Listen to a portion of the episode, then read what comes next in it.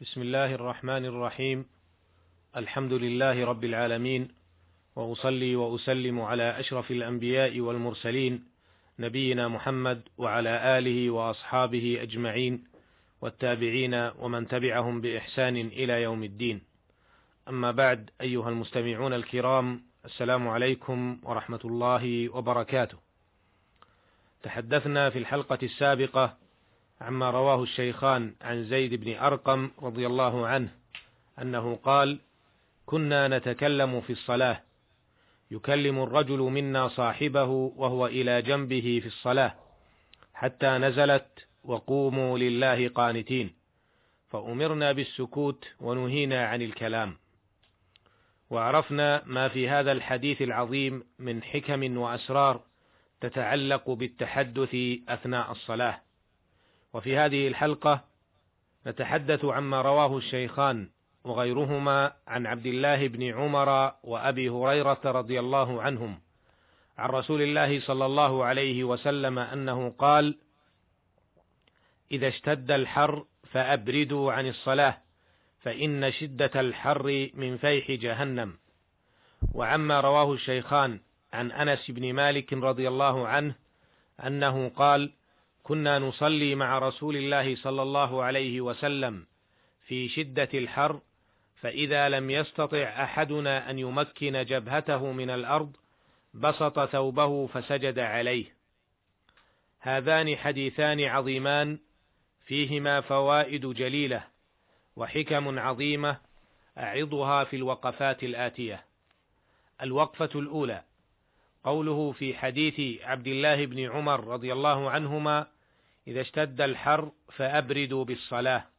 الحر هو وهج الحرارة ليلا كان أو نهارا، والحرور كذلك، وأما السموم فلا يكون إلا بالنهار، قاله الصنعاني رحمه الله.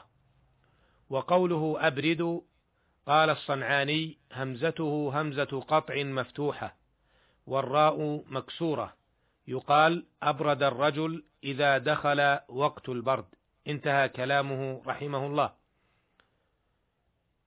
ومثله أنجد لمن دخل نجد وأتهم لمن دخل تهامة. وقوله من فيح جهنم قال أهل العلم بفتح الفاء وسكون الياء التحتانية ثم مهملة. ووقع في رواية فوح بواو بدل الياء.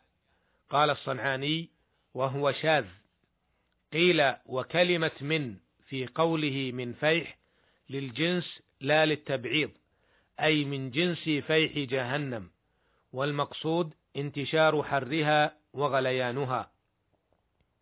قال المزي وهو مثل ما روي عن عائشة رضي الله عنها بإسناد جيد من أراد أن يسمع خرير الكوثر فليجعل أصبعيه في أذنيه.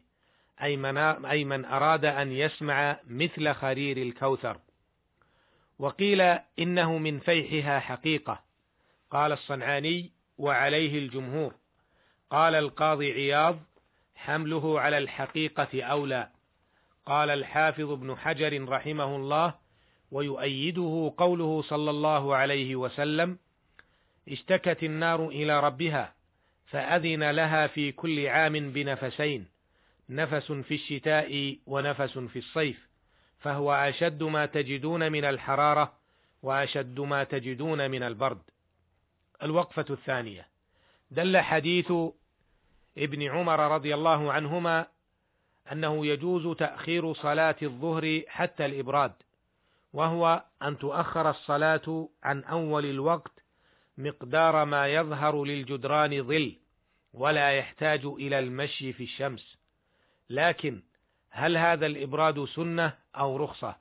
قال ابن دقيق رحمه الله اختلف الفقهاء رحمهم الله تعالى في الإبراد بالظهر في شدة الحر. هل هو سنة أو رخصة؟ وعبر بعضهم بأن قال هل الأفضل التقديم أو الإبراد وبنوا على ذلك أن من صلى في بيته أو مشى في كن إلى المسجد هل يسن له الإبراد؟ فإن قلنا إنه رخصة لم يسن إذ لا مشقة عليه في التعجيل وإن قلنا إنه سنة أبرد والأقرب أنه سنة لورود الأمر به مع ما اقترن به من العلة وهو أن شدة الحر من فيح جهنم وذلك مناسب للتأخير. والأحاديث الدالة على فضيلة التعجيل عامة أو مطلقة. وهذا خاص ولا مبالاة مع ما ذكرناه من صيغة الأمر ومناسبة العلة بقول من قال إن التعجيل أفضل لأنه أكثر مشقة فإن مراتب الثواب إنما يرجع فيها إلى النصوص وقد يترجح بعض العبادة الخفيفة على ما هو أشق منها بحسب المصالح المتعلقة بها. انتهى كلامه رحمه الله.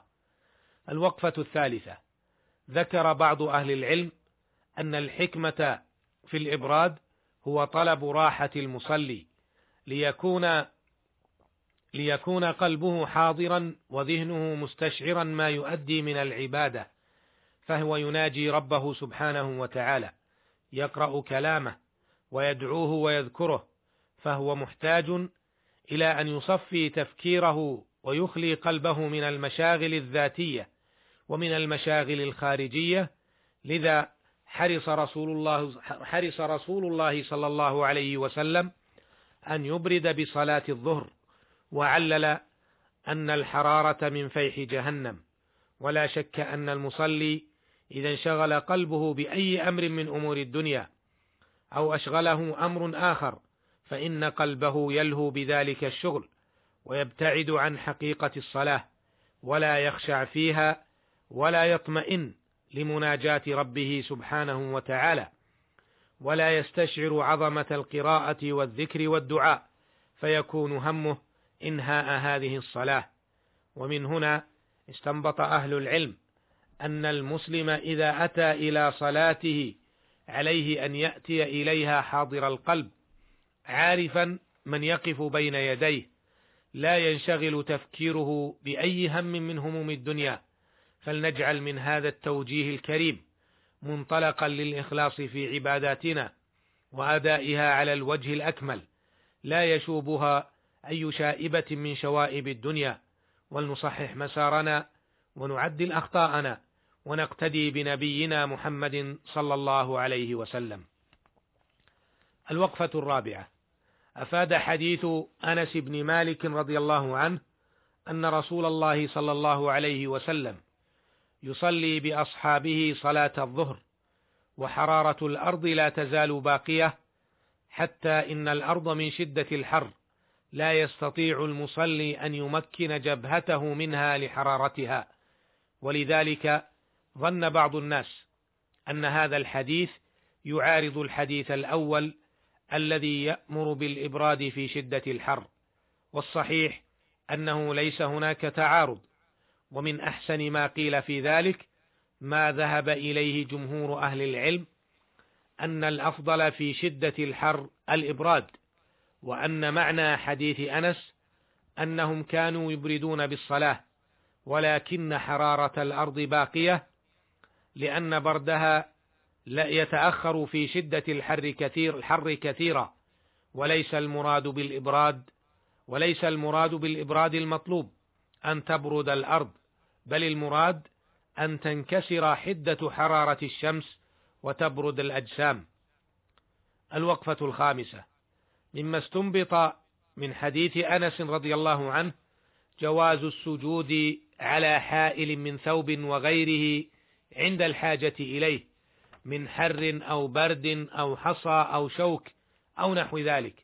فهؤلاء الصحابة رضي الله عنهم الذين يحكى الذين يحكي حالهم أنس بن مالك رضي الله عنه وضعوا ثيابهم بين جباههم وبين الأرض من شدة الحر ولم ينكر عليهم النبي صلى الله عليه وسلم فدل على جواز ذلك والله أعلم.